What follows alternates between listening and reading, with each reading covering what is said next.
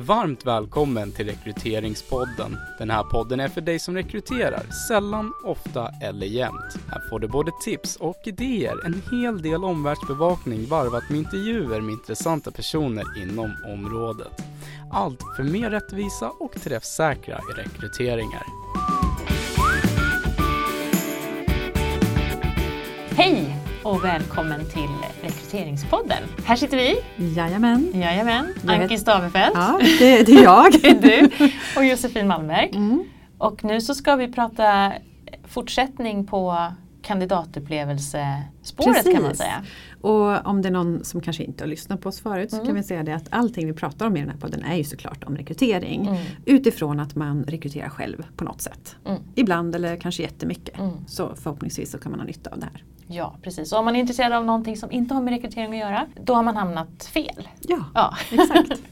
så är det. Och idag är det då kandidatupplevelse. Precis. Mm. Och vi har ju pratat om kandidatupplevelse tidigare. Mm. Eh, det finns ju jättemycket att säga om det ämnet Mm. och vi kommer säkert att återkomma till det många gånger. Mm.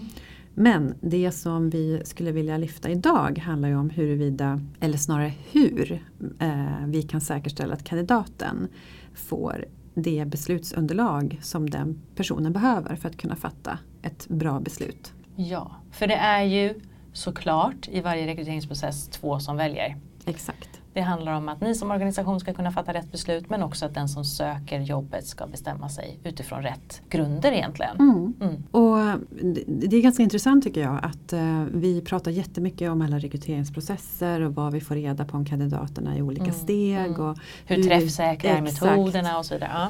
Men vi pratar alldeles för lite om hur säkerställer vi att kandidaten får rätt beslutsunderlag. För att blir det fel för en kandidat så kommer den i alla fall att Mm. inte trivas, lämna i förtid. Det Mm. blir en felrekrytering. Mm. Det är ju tyvärr så att många av de här avbrutna anställningarna Mm. från kandidatens håll handlar om att man har haft fel förväntan eh, Precis. på vad jobbet går ut på eller på hur långt man har kommit i olika saker eller vad man står inför och så vidare. Så det handlar ju om att under rekryteringsprocessen sätta Mm. rätt förväntan hos Exakt. de sökande. Så det är väl ett tips att Mm. man inte målar upp guld, guld och gröna skogar bara. Mm. Det är väl Utan- kanske det viktigaste tipset. Ja, Ja. och att man faktiskt, inte minst under intervjun, berättar om att ja, det här fungerar jättebra. Vi, liksom, vi växer, det går hur bra som helst. Mm. etc. Men baksidan av det är att vi också har lite växtverk, allting är inte ordning och reda, Mm, det finns mm. inga processer. Eh, gillar man att vara med och skapa det Mm. och liksom mycket förändring så är det här helt rätt. Mm, Men gillar man inte den typen av miljö som kanske är lite ostrukturerad, ja ni fattar. Mm. Så att man är tydlig Mm. Precis. och ärlig. Mm. Och många gånger så är det ju så att man söker en person som ska komma in just för att hjälpa till kanske med de här sakerna. Ja, Så att är man rätt då för jobbet så går man antagligen igång på att det här är utvecklingsområden. mm, så det är precis. ingenting att hymla med. Liksom. Det finns ingen anledning att, att hålla undan den informationen. För det blir ju förr eller senare och antagligen förr, alltså ganska tidigt, så blir det ju uppenbart för den personen som kliver på jobbet. Precis. Och eh, om vi tänker lite grann på eh, själva rekryteringsprocessen och hur vi kan underlätta för kandidaterna under tiden. Mm, Alltså mm. det är inte bara intervjun tänker jag Mm. utan det är även andra delar. Mm. Eh, så tänker jag att till exempel i en annons att man där säkerställer att det är lätt att hitta information. Ja. Man behöver inte skriva allt i annonsen utan snarare länka Mm. till olika Mm. delar av ens webb till exempel. Länka till kanske någon film om företaget. Länka till om man har Instagramkonto eller vad det nu Mm. kan vara Mm. som gör att man underlättar för kandidaten att hitta mer information. ja, För att de söker den oavsett. precis. Man är där ute och eh, googlar och letar även långt innan man faktiskt söker. Ja, så att eh, de kommer hitta det Ja. eh, oavsett. Så varför inte underlätta för dem att få Exakt.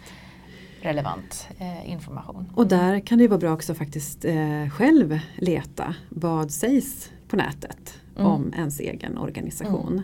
Det finns ju olika typer av forum och sajter och så vidare som eh, betygsätter en som arbetsgivare Mm. till exempel. Mm. Eh, men även eh, rent generellt om man googlar ens företagsnamn och så vidare så kan man ju hitta intressanta trådar lite här och var Mm, mm. som man kan vara värda att Mm. göra sig bekanta med. För, Mm. för, så vet man vad en kandidat faktiskt Mm. kan hitta.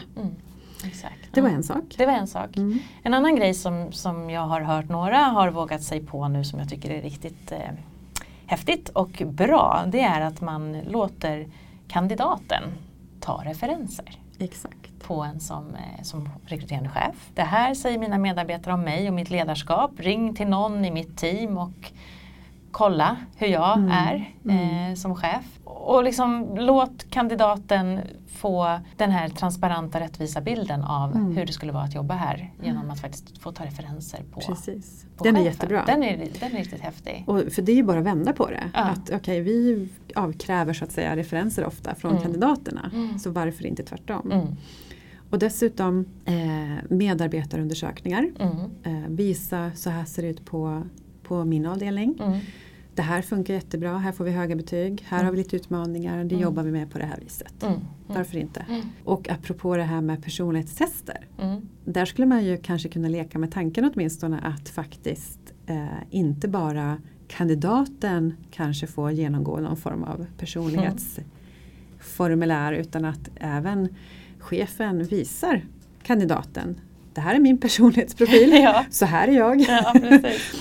Eh, nu raljerar jag lite grann men, Mm, men ni mm. förstår. Eh, att man faktiskt är tydlig med att eh, så här funkar jag. Mm.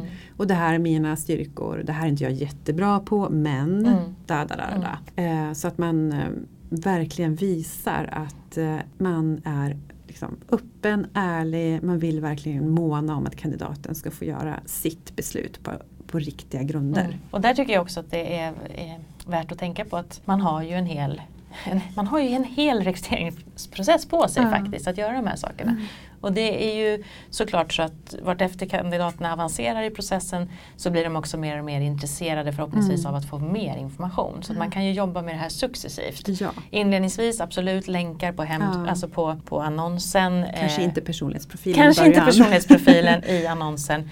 Men liksom mellan tillfällena också. De här personerna vill vi ta vidare till intervju nummer två. Och därför så får de ta del av vår medarbetarundersökning. Eller de får läsa det här Mm. som vi håller på med just nu. Eller de får inblick i det här som kanske inte alla andra får. Precis. Så att man tänker att man kan, göra, man kan förse kandidaterna med bra information mellan tillfällena. Så att man Mm. också kommer längre i de möten Mm. som man, som man faktiskt har. Och eh, bara att göra den här typen av eh, aktiviteter eller vad vi nu ska kalla det för eh, gör ju att eh, jag är helt säker på att snacket på stan blir väldigt positivt. Mm, Eh, för det här är någonting som är väldigt ovanligt. Mm. Och eh, genomför man den här typen av process, alltså kandidatens utvärderingsprocess, Mm. att man till och med sätter ett ord på det, Mm. så är jag helt säker på att man får väldigt mycket positiv uppmärksamhet Definitivt. som kommer liksom sprida ringar på vattnet. Ja, det Mm. tror jag också. Ja, jättebra. Några tips på hur man kan Mm. öka på ja, vad ska jag säga, beslutsunderlaget för kandidaten. Exakt. Som är nog så viktigt som ert eget beslutsunderlag Ja. faktiskt. Ja. Bra, då vill vi tacka för oss för idag och eh, sen så hörs vi snart igen hoppas vi. Och är ni nyfikna på vad vi håller på med för övrigt så får ni jättegärna kontakta oss på Home of Recruitment heter bolaget vi jobbar för.